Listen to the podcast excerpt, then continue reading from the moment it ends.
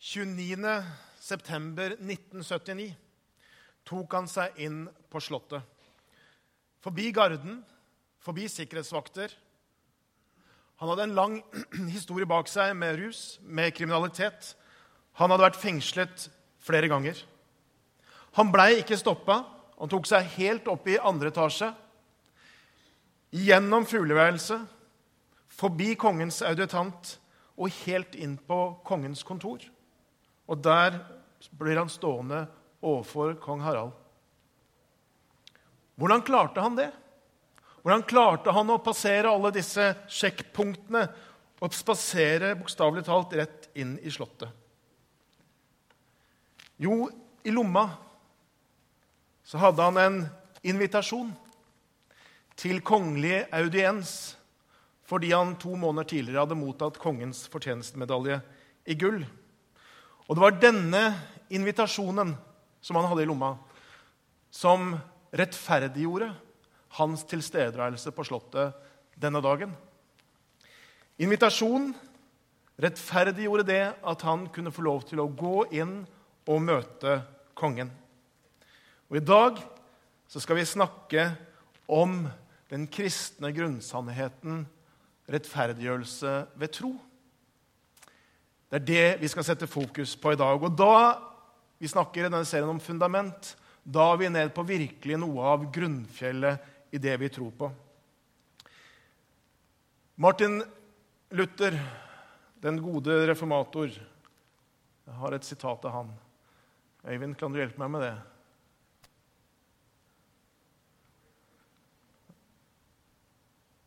Det virka i stad, men det virker ikke nå. Da får vi klare oss uten. Nå! Nå kommer den. Veldig fint. Den gode reformator Martin Luther han sier det sånn Læren om rettferdiggjørelse ved tro er den kristne tros hode og hjørnestein. Den alene avler, gir næring, bygger, bevarer og beskytter Guds kirke og uten den kan ikke Guds kirke eksistere en time. Og jeg tror vår kjære reformator Martin Luther har helt rett. Vi er ned på virkelig noe av grunnfjellet og hva det hele det handler om. Men hva er egentlig rettferdiggjørelse? Det er jo noe vi alle veit. Er det ikke det? Det er på en måte virkelig liksom ABC-en, så er det A omtrent i den kristne tro. Hva er det å bli rettferdiggjort? Og så tenker vi jo det er jo ja, ja hva, hva, var det det var for noe igjen? Og så har mange av oss en litt sånn vag idé kanskje om hva det er. Men det for å skulle forklare til en annen hva er det, er ikke så helt lett like alltid. Så Derfor så skal vi se på det. Vi skal ta virkelig ABC-en fatt i dag. Og Vi skal se på rettferdiggjørelse, og så skal vi se på tre punkter. Hva er det? Hvorfor trenger jeg det? Og hvordan får jeg det? Hva er det? Hvorfor trenger jeg det? Og hvordan får jeg det? Det er de tre punktene vi skal se på, og det er det vi skal ta for oss i dag. Men først så skal vi legge denne stunden i Herrens hender. Himmelske Far, jeg takker deg for ditt ord til oss. Takk for at vi kan få lov til å sette oss ned og lese ditt ord, din hilsen, ditt budskap til oss hver eneste dag. Og så ber jeg Herre om at du skal ved din ånd åpenbare ordet for den enkelte av oss. At det blir mer enn ord på papir. Det blir mer enn trykksverte på hvitt papir, men at det blir virkelig sannheter i våre liv. Jeg ber om det i ditt navn. Amen. Rettferdiggjøre. Hva betyr egentlig det ordet?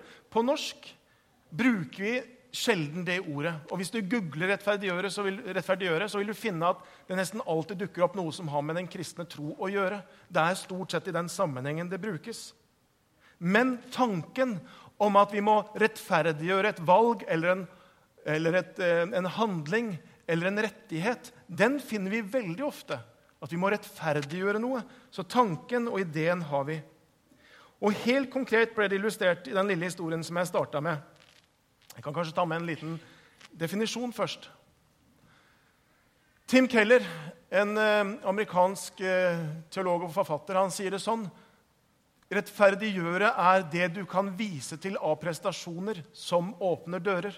Det er sånn vi bruker det i det daglige. Det du kan vise til av prestasjoner som åpner dører. Og konkret i den illustrasjonen som, som jeg starta med, om han som kom seg helt inn i kongens eh, kontor, så var det denne invitasjonen som rettferdiggjorde det. Han hadde vært tidlig kriminell og rusavhengig. Og Allikevel så kom han seg helt inn fordi han hadde en invitasjon. Han hadde gjort noe i livet sitt som gjorde at han fortjente kongens fortjenestmedalje i gull, og derved også invitasjonen inn til kongens kontor. Det han hadde gjort, åpna bokstavelig talt dørene for han helt inn til kongen. Mannen var for øvrig Ludvig Carlsen. Han er den eneste straffedømte i Norge som har mottatt kongens fortjenestemedalje i gull. Ingen andre som har vært straffa, har fått den. Og etter at han sjøl ble frelst og fri fra rus i 1975, så har han hjulpet mange, mange, mange mennesker ut av rus, ut av eh, avhengighet, til et bedre liv gjennom virksomheten gjennom Evangeliesenteret. Og når han døde i 2004, så fikk han begravelse på statens regning, og det sier noe om den eh, posisjon og den status som han faktisk hadde, og den respekt han gjennom det fikk. Tanken om at vi må på en måte rettferdige oss i forhold til noe, som jeg sier, den, den møter vi veldig ofte, nesten hver dag. Hvis du f.eks. søker en jobb, og de fleste har vel vært med på det, hva, hvordan er det det skjer? Jo, da kommer man med CV-en sin, og så viser man opp den, og så sier man her er det jeg har av erfaring. Det var ganske blankt, ser jeg, men det pleier å være en del på CV-en. Det er det jeg har av utdannelse, det er det jeg har av erfaring. Og så er jo tanken at det jeg kan vise til, rettferdiggjør at jeg får denne jobben. Og Hvis noen har fått et sånt spørsmål når du sitter i jobbintervjuet som sier ja, hvorfor er du kvalifisert til denne jobben, da? Ja, Så begynner vi å argumentere med hva vi har gjort, hva vi kan vise til, hvilken utdannelse vi har. Og så med det så viser vi at vi er verdige, eller vi er godt kvalifiserte, eller hvordan vi vil si det, til den jobben. Vi rettferdiggjør oss sjøl i forhold til det vi ønsker. Og Sånn er det også når vi skal inn på en skole. Hvordan gjør vi det? Hvis det skal inn på en utdanning et sted, og et utdanningsløp, så tar man med seg det man har gått på skole før. Man tar med seg sine karakterer, og så viser man til det. Og er de gode nok, ja, så har man rettferdiggjort at man kan få lov til å fortsette eller gå videre på den utdanninga. Sånn er det i alt utdanningssystem. Sånn er det også på kristne skoler. Til og med på Ansgar så er det sånn. Gikk på en smell der i første semester, husker jeg. Men eh, det er ikke bare av nåde, selv på Ansgar. Vi må faktisk prestere. Sånn er det. Vi må rettferdiggjøre at vi kan fortsette, at vi kan gå videre, at vi kan ta utdannelsen. Sånn er det i livet. I veldig veldig mange av forholdene i livet så er det akkurat sånn. Vi rettferdiggjør noe og viser til hva vi har gjort, og så åpnes det noen dører. Slik er det mange som tenker at da må det også være i forhold til Gud. Og så hvis man I alle kulturer, alle religioner, så handler det å på en måte å bli, at døren skal åpnes inn til Gud med at vi kan vise til hva vi har gjort. Hvordan vi kan rettferdiggjøre det å komme nær Gud. Sånn er det i folkelig norsk religiøsitet. For hva er det folk tenker veldig ofte? Ja, Hvis jeg har gjort rett og sjel for meg, og jeg dør, ja, så tror jeg nok Gud slipper meg inn. Eller som, som en sa det eh, følgende Jeg tror at jeg har gjort såpass mye godt at vekta tipper riktig vei på den dagen. Sånn er det veldig mange som tenker. Og I de store religionene så handler jo også det om på en måte å komme inn til Gud, nettopp om eh, å praktisere de fem søyler, som det er i islam. Å følge den åttedelte veien i buddhismen. Og hinduismen handler om meditasjon og om askese. Slik har mennesket levd i alle tider, i alle kulturer. På en eller annen måte prøve å tenke at jeg må gjøre meg rettferdig innenfor Gud. Og så er budskapet følgende Men sånn er det ikke i bibelsk kristendom. Sånn er det ikke med den troen som er vår. Sånn er det ikke i det hele tatt. Det står slik i Romerbrevet, og det er det teksten vår i dag, eh, eller den teksten vi skal ta utgangspunkt. Romerbrevet kapittel 3, vers 21-26. Og Dette kjære venner, dette er gull. Dette er edelt metall. Den teksten som vi leser om i dag. Og Det er noen som har kalt det for evangeliet i evangeliet. Det er virkelig på en måte kjernen. Det er virkelig det det handler om i vår kristne tro, det vi skal dele i dag. Så ta imot det som Gud sier gjennom disse versene, og forsøk å ta det til deg. Det står slik, Romerbrevet 3, 21-26. Men nå er Guds rettferdighet, som loven og profeten vitner om, blitt åpenbart uavhengig av loven. Dette er Guds rettferdighet, som gis ved troen på Jesus Kristus til alle som tror. Her er det ingen forskjell, for alle har syndet og mangler Guds herlighet. Men ufortjent og av Hans nåde blir de kjent rettferdige, frikjøpt i Kristus Jesus. Han har Gud stilt synlig fram for at ved hans blod skulle det være et soningssted for dem som tror. Slik viser Gud sin rettferdighet, for han hadde tidligere i tålmod holdt tilbake straffen for de synder som var begått. Men i vår tid vil han vise sin rettferdighet både at han selv er rettferdig, og at han kjenner den rettferdig som tror på Jesus. Evangeliet i evangeliet. Det er gull, det er kjerne. Hva er det som står her? Folk har til alle tider tenkt at skal jeg nærme meg Gud, ja, så må jeg ha noe å vise til. Om det er offer, eller om det er gode gjerninger, eller om det er fromhet, eller hva det er. Og så kommer Paulus og så sier han, 'Men nå'. Det er sånn dette avsnittet starter. Men nå. Og så peker Paulus på Jesus og sier at nå er alt annerledes. Dette er noe som ikke har kommet opp i noen tanke. Det har aldri vært nevnt, aldri vært tenkt. Men nå har det skjedd noe nytt. Totalt nytt gjennom Jesu verk på Golgata. Ingen har tenkt det, ingen har forestilt det. Og Paulus sier det handler ikke om å ha litt gode gjerninger eller å, gjøre noe innenfor Gud. Det handler ikke engang om å ha veldig gode gjerninger å kunne vise til. Men den rettferdighet dette er snakk om, det er ikke den vi kan prestere, men det er Guds rettferdighet. Totalt hellig, fullkommen perfekt. Det er Guds rettferdighet det handler om, og ikke hva vi på en eller annen måte klarer å få til gjennom våre ulike motiver. Det er den rettferdighet, og så løfter Paulus dette med rettferdighet så høyt opp. Det er langt, langt, langt opp hit det handler om. Og Denne rettferdighet nytter ikke for oss å streve etter eller prøve å oppnå. Det må være på en annen måte at vi kan bli rettferdige overfor Gud enn hva vi kan prestere. Og Så sier han at den rettferdigheten som vi da kan få, det er tilregna rettferdighet. Det er ikke hva vi får til, men det er hva han har fått til. Det er ikke hva vi kan prestere, men det er hva Jesus har gjort. Det er ikke hva vi kan streve, men det er det Jesus har gjort på korset. Og det er det som er budskapet i dette. her. Rettferdigheten er ikke våre spette forsøk på det gode liv, men det er å sette vår lit til hva Jesus har gjort på korset. Og det er det dette, disse versene her understreker så utrolig tydelig. Og Det var det også som var den store reformator Martin Luthers store oppdagelse. Eh, Martin Luther han hadde i nesten ti år kjempa med en innbikt dødsangst. Og han kjente på det. Det derre Hva skjer hvis jeg dør? Og Han kjempa med en angst for en straffende Gud og tenkte når jeg dør, hva har jeg å vise til? Og så strevde han med det spørsmålet hvordan kan jeg finne en nådig Gud? Og Så gikk han i kloster. Og Så forsøkte han på en måte gjennom tidebønner og fromhet og askese å på en måte finne veien til en nådig Gud, og så fant han ikke en nådig Gud der. Og Så reiste han på pilegrimsreise til Roma og krabba på kne opp trappa i Vatikanet, Peterstrappen, og så tenkte han sånn kanskje. Med blodige knær kan jeg finne en nådig Gud. Og så fant han ingen nådig Gud der heller. Og så er det en kveld prega av dødsangst og gudsfrykt, så sitter han i tårncellen sin. Og Så jobber han nettopp med romerbrevet og grunner på disse tekstene. og så Plutselig så slår det ned i han som et lyn. Så skjønner han hva dette må være, og så sier han følgende Guds rettferdighet må bety den rettferdighet som Gud gir mennesket når han tar ham til nåde for Kristi skyld.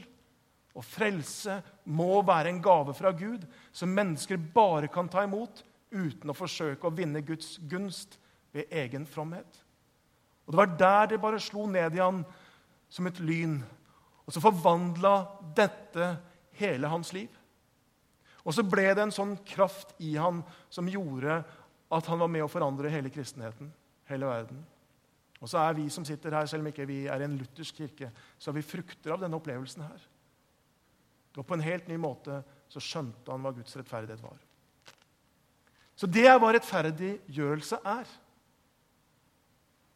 Og så er spørsmålet hvorfor, hvorfor trenger vi egentlig det? Hvorfor trenger vi det? Det var GLS sist helg. Eh, fredag-lørdag. Det var fantastiske dager. Og du som ikke fikk det med deg i år, du må bare få det med deg neste år. Det er oppfordringen jeg har gitt. Ikke gå glipp av det. Det var utrolig å få lov til å være med på det. Han som har på en måte tatt initiativ, han heter Bill Hybels. Han er pastor Willow Creek Community Church. og Han hadde den første foredraget også på denne GLS-en. Og I dette foredraget så hadde godeste Bill Hybels han hadde en illustrasjon. Og Den illustrasjonen tenkte jeg skulle dele med dere. Er det greit? Ok, Bill Hybels han er om bord på et fly. Så blir han sittende ved siden av en annen mann. Og Denne mannen finner etter hvert ut hvem Bill Hybels er. Og Han skjønner at uh, Bill Hybels er en pastor. Og det er jo alle medpassasjerers store skrekk, egentlig, sier Bill Hybels, å havne ved siden av en pastor. Og så sier denne medpassasjeren ganske som med en gang vet du hva, du trenger ikke å snakke religion med meg, for, for jeg er ok med Gud. altså. Så sier Bill Hybels ok, ok, det er greit. Uh, jeg er ikke så veldig god til å preke heller.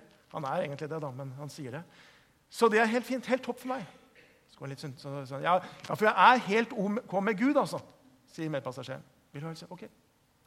Og Så um, går det en liten stund, en liten pause, og så sier han um, Ja, for jeg går i kirka to ganger i året. Jeg gir noe til veldedighet eh, nå på slutten av året. Jeg er OK far. Eh, jeg gjør en god jobb der jeg er. Um, og jeg stemmer til og med på Det republikanske parti. Det, det er OK med meg, er, er, det ikke? Og så sier Bill Hybels hvis du, hvis du, på en måte snakker om det hele tiden, er du interessert i å høre hva Bibelen sier om på en måte når du er OK med Gud? Og så sier denne medpassasjeren ok, ja, vi har jo noen timer her, så ja, kjør på. Og Så tar Bill Hybels fram et stykke papir og så tegner han en, en, en loddrett strekk på dette arket. Og så sier han tenk deg at dette er på en måte en sånn stige som handler om godhet eller moral. eller kall det hva du vil. Og på toppen så har vi Gud. Og så minner han eh, denne medpassasjeren på Guds rettferdighet og Guds standard, som er fullkommen, som er hellig, som, som, på en måte er langt der oppe. Og så sier han hvis denne linja representerer på en måte en sånn moralsk stige, hvor vil du plassere deg sjøl hen på denne linja her? Ditt liv. Vil Du liksom, du sier at OK med Gud. Betyr det at du liksom er helt der oppe ved Gud? Du liksom stanger hodet opp i Guds eh, perfekthet? Er det sånn? Og så sier medpassasjeren nja ja. Og så sier Bill Hybels ja, men hvilken god person tenker du på? Hvis du skulle nevnt navnet på en god person. Og så var dette mens moder Teresa fortsatt levde. Så medpassasjeren sa ja, moder Teresa hun er veldig bra. Og så sier Bill Hybels ja, jeg har lest alt hun har skrevet. Eh, og jeg vet at hun har ting hun angrer på i sitt eget liv. Det, hun, hun, hun, kjenner på skuffelse overfor Gud og at hun har svikta mange ganger. Jeg tror hun hadde plassert seg litt sånn godt nedpå denne stigen her. Kanskje nedpå her. Så finner vi moder Teresa. Ok. Så sier han ja, hvilken andre personer tenker du på som er gode. Ja, kanskje Bill Hybels sier Nei, det var feil. Billy Graham, sier denne medpassasjeren. Billy Graham. Han er jo virkelig stjerna i USA. Og så sier han ja, sier Bill Hybels, men jeg har møtt han et par ganger, og en gang så ba han om forbønn fordi han kjente han hadde skuffa Gud på en sånn måte. Han er veldig ydmyk. Jeg tror han hadde satt seg et stykke nedenfor moder Teresa. Og så sier Bill Hybels jeg har vært pastor i mange år, men, men, det er mange steder hvor jeg svikter i mitt eget liv. Og, og jeg skuffer både på meg sjøl og, og, vet jeg skuffer Gud. Så jeg, jeg er et eller annet sted langt her nede. Så gir han eh, medpassasjeren en blyant, og så sier han, 'Men du, her, hvor vil du sette ditt kryss?' Og så setter denne medpassasjeren sånn kryss rett under Bill Hybels. Liksom. Og så ser han på Bill Hybels og spør er jeg i trøbbel. Og så sier Bill Hybels følgende Poenget er at det er et gap her mellom ditt moralske liv og Guds rettferdighet. Det er problemet. Så på en måte, hvordan kan det løses? Hva gjør vi med dette gapet? Og Det er det som er menneskets utfordring. Det er det som er din og min utfordring. Uansett på en måte hvor vi ligger på denne moralske stigen, så på et eller annet sted så, så er det et gap mellom sånn vi lever livet våre, og sånn Gud ønsket at vi skulle leve det. Det er en avstand. Også de livene og de gangene vi syns at eh, livene våre er ganske gode. Og så er det, På jordkloden så er det ganske stor høydeforskjell. Ikke sant? Eh, det er ganske stor høydeforskjell fra verdens høyeste topp, Mount Everest, 8848 meter over havet, og til det laveste punktet på jordskorpa, eh, der det ikke er hav, som er området ved Dødehavet. 400 meter under havoverflata. Det er ganske stor avstand mellom dette. Men hvis vi tenker på og skal snakke om avstand fra sola til jorda, så er det ca. 150 millioner kilometer. Og da blir det helt irrelevant om vi snakker om det er avstand til Mount Everest eller til, jorda, eller til havoverflaten. Det er irrelevant fordi avstanden er så stor. Og Det er litt sånn med denne tegningen her òg. Det er egentlig litt irrelevant om vi er der Bill Hybels er, eller Moder Teresa, eller der vi ville satt vårt X. Fordi avstand til Gud er allikevel som avstand fra jorda til sola. Det er irrelevant. Så det er dette gapet her som Bibelen kaller synd, som vi må gjøre noe med. Og Denne teksten som jeg deler i dag, sier her er det ingen forskjell. For alle har synda og mangler Guds herlighet. Det er ingen forskjell. Ja, Det kan være litt sånn som jeg sier, men det er som forskjellen mellom Mount Everest og dalsøkket ved Jordan til sola uansett. Det er ingen forskjell, for vi har alle synda, og vi har ingen del i Guds herlighet. Hva er synd? Det greske ordet for synd som vi har i grunnteksten til vår bibel, det betyr egentlig å bomme på målet. Det betyr å brukes f.eks. når en spydkaster ikke treffer målskiva, eller når et skip en sen, eh, mørk kveld er på vei inn til en havn og bommer på havna og treffer klippene og går ned. Det er sånn dette greske ordet brukes. I bibelsk forstand og i vår bibel brukes det alltid om vår relasjon til Gud. Det er på en måte når vi bommer på det som er hans vilje med våre liv. Det er alltid sånn det brukes. Eh, synd det er på en måte forskjellen mellom det mennesket som, og det livet vi lever, og slik som Gud ønsker at vi skal leve.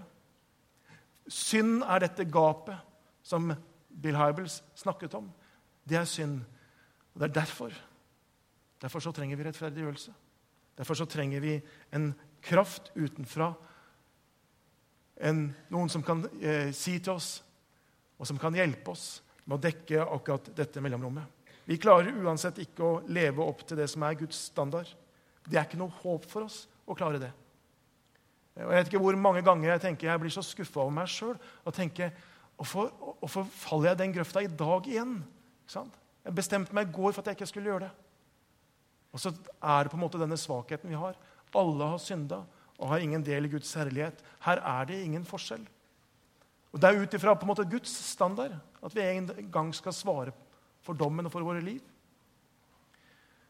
Og så tenker jeg, Men om jeg bare skulle vært dømt ut ifra min egen standard, om jeg bare skulle vært bedømt ut ifra alt det jeg har sagt, som jeg tenker at det er den standarden som i hvert fall andre mennesker burde leve opp til Om jeg på en måte skulle vært dømt ut ifra det jeg sjøl mener er livet som det burde være, så vet jeg uansett, så er jeg skyldig da også. Jeg klarer ikke nå opp til Guds standard, men jeg klarer heller ikke å leve opp til min egen standard. Og Paulus sier det jeg vil, det gjør jeg ikke. For er det sånn? Mens det jeg ikke vil, det er jo nettopp det jeg gjør. Her er det ingen forskjell, sier Bibelen. Alle har synda, og vi har ingen del i Guds herlighet. Så det tredje spørsmålet.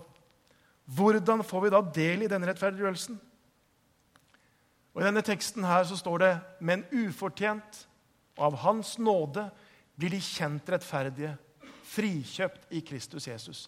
Så hvordan får vi tak i dette? Hva må vi gjøre? Og Det er det som er det gode budskap. Det er ikke vi som skal gjøre det. Det er Jesus som har gjort det for oss. Vi blir ufortjent. Før vi gjorde noe som skulle tilsi at vi fortjente noe som helst, så står det her at vi blir rettferdiggjort av Hans nåde. Og så blir vi kjent rettferdige. Hva betyr det? Jo, her brukes et juridisk språk. Det er en dom som faller og dommen over våre liv. Når vi får lov til å leve i Hans nåde, hva er det? Det at vi er fri, vi er frikjent, vi er hellige. Vi får lov til å leve innenfor Gud eh, med våre liv uten skyld.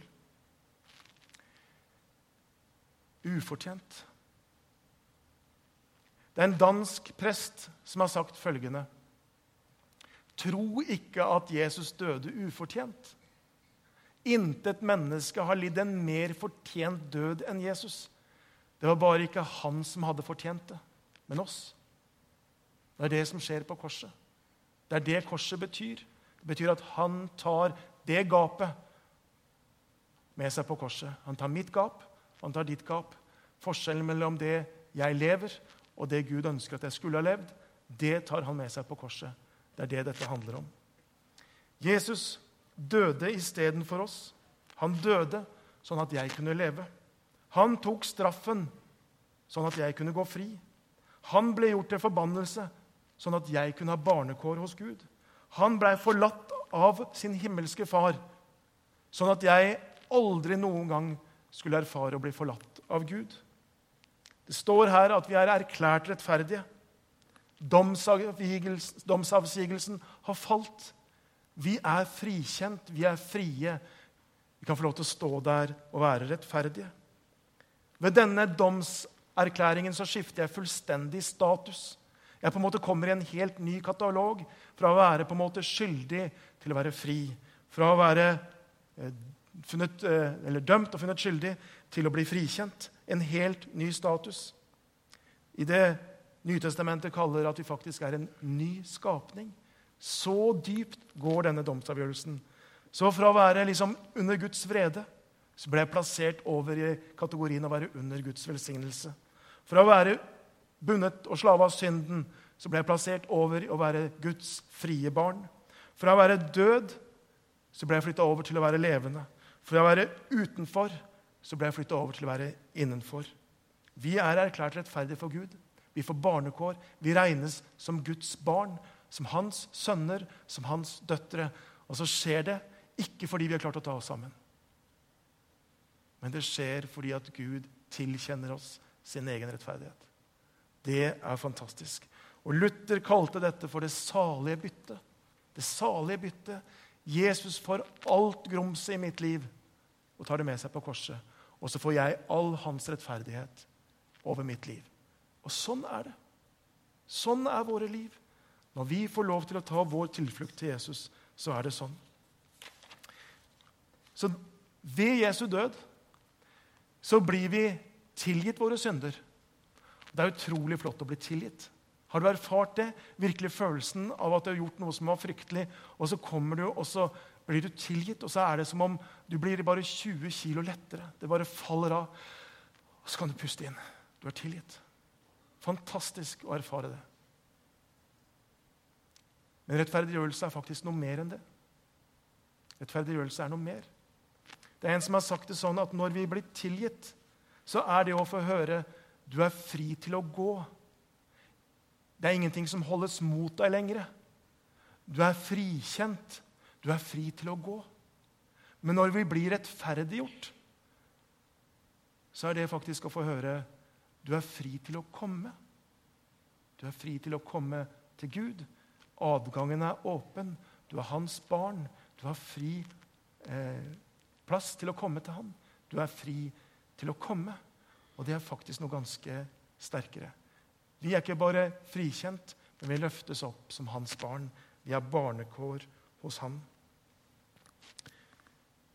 Så hvordan får vi tak i det? Og så handler det først og fremst om egentlig å ikke ta seg sammen, men om å falle sammen. Det handler om ikke å prøve mer, men det handler om å gi opp. Det handler om å si til Jesus jeg skjønner, jeg får ikke det her til. Og ta imot den gaven som rettferdiggjørelse er. Ta imot den utstrakte hånden fra Gud selv som dette er. Ta imot det tilbudet og si Takk for at jeg får lov til å være ditt barn. Takk for at jeg kan ta imot dette av bare nåde. Sånn er det. Vi får tak i rettferdiggjørelse ved tro. Og istedenfor å forsøke klynge seg til Jesus Kristus for det han har gjort, slik er det vi blir rettferdige.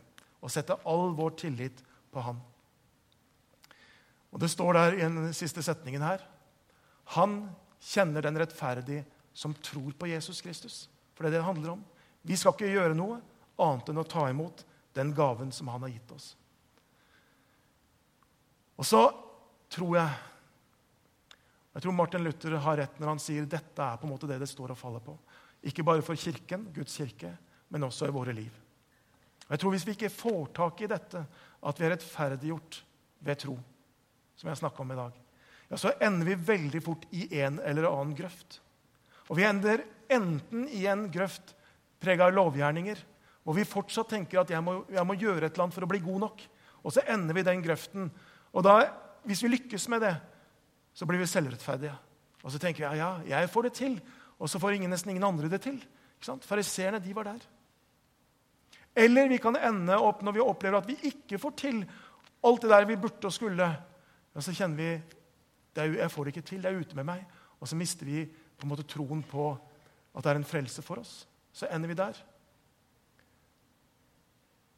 Den andre muligheten av denne grøften det er jo at vi ikke tar Guds rettferdighet på alvor, den standarden som han har satt. Så han tenker, Jeg er vel ikke så nøye med det. Han ser vel gjennom fingeren på det. Og så blir vi liberale, så blir vi sløve, og så blir vi likegyldige, og så betyr det ikke noe, det som Jesus har gjort, egentlig. Så Det er liksom ulike krefter vi faller i. Det er Derfor det er så viktig å virkelig gripe dette med sitt eget liv. For når vi gjør det, så skaper det i oss en kraft til å leve det livet som han vil at vi skal leve. Så skaper det inn oss eh, tilbedelse, det skaper tro, det skaper håp. Det er så viktig å få tak i dette. Ludvig Carlsen, jeg starta med han. Han fikk fortjenestemedalje i gull fordi han hadde utretta så mye. Han hadde hjulpet så utrolig mange mennesker ut av rus og til et verdig liv. 25 000 snakkes det om at han har hjelpa ut av rus. 25 000 mennesker. Og han fikk kongens fordelelsesmedalje fullstendig fortjent. Den fortjenestesmedaljen åpnet veien til audiens hos kongen en gang. Men hvorfor gjorde han det?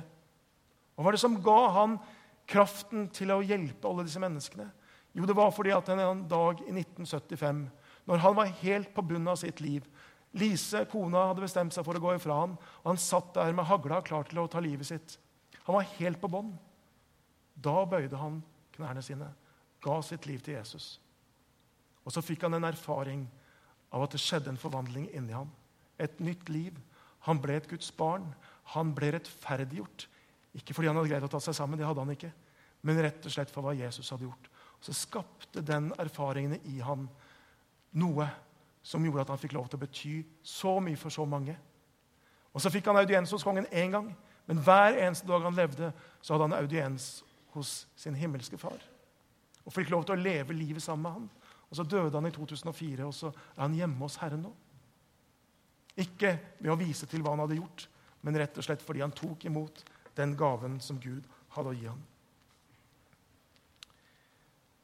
Jeg har bare lyst til å si til oss som er her i dag, og til deg som, som lever ditt liv i den kristne troen, som har tatt imot Jesus, som, på en måte, som lever i dette, så har jeg bare lyst til å si til deg Minn deg sjøl på det. Ikke liksom ta det for gitt men virkelig minn deg sjøl på hva Jesus har gjort. For ut ifra det så springer det et takknemlig liv. Så der er det lovsangen springer.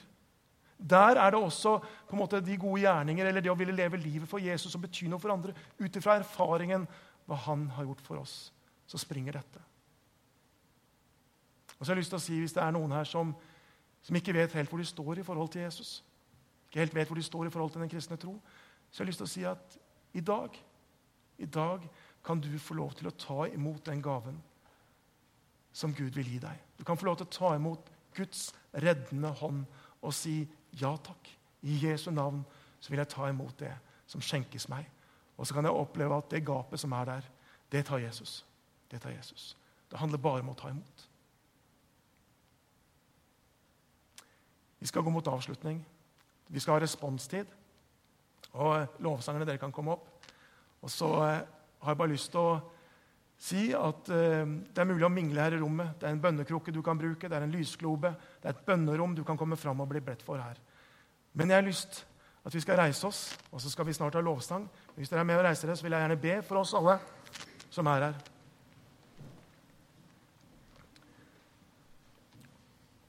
Og Så vil jeg at du skal stå der innenfor Gud.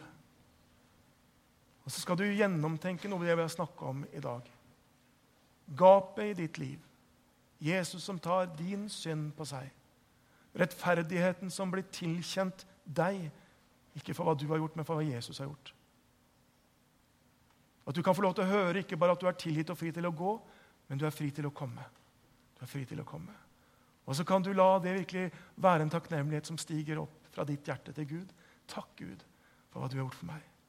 Og Hvis du er her som ikke vet helt hvor du står i forhold til Jesus, så kan du bruke denne anledningen til å si, 'Jesus, jeg vil ta imot din hånd.' Skal vi be. Kjære Jesus Kristus. Her står vi. Og så ser du livene våre. Og så er det mange ganger så som så med livene våre, Jesus. Og så vet du det.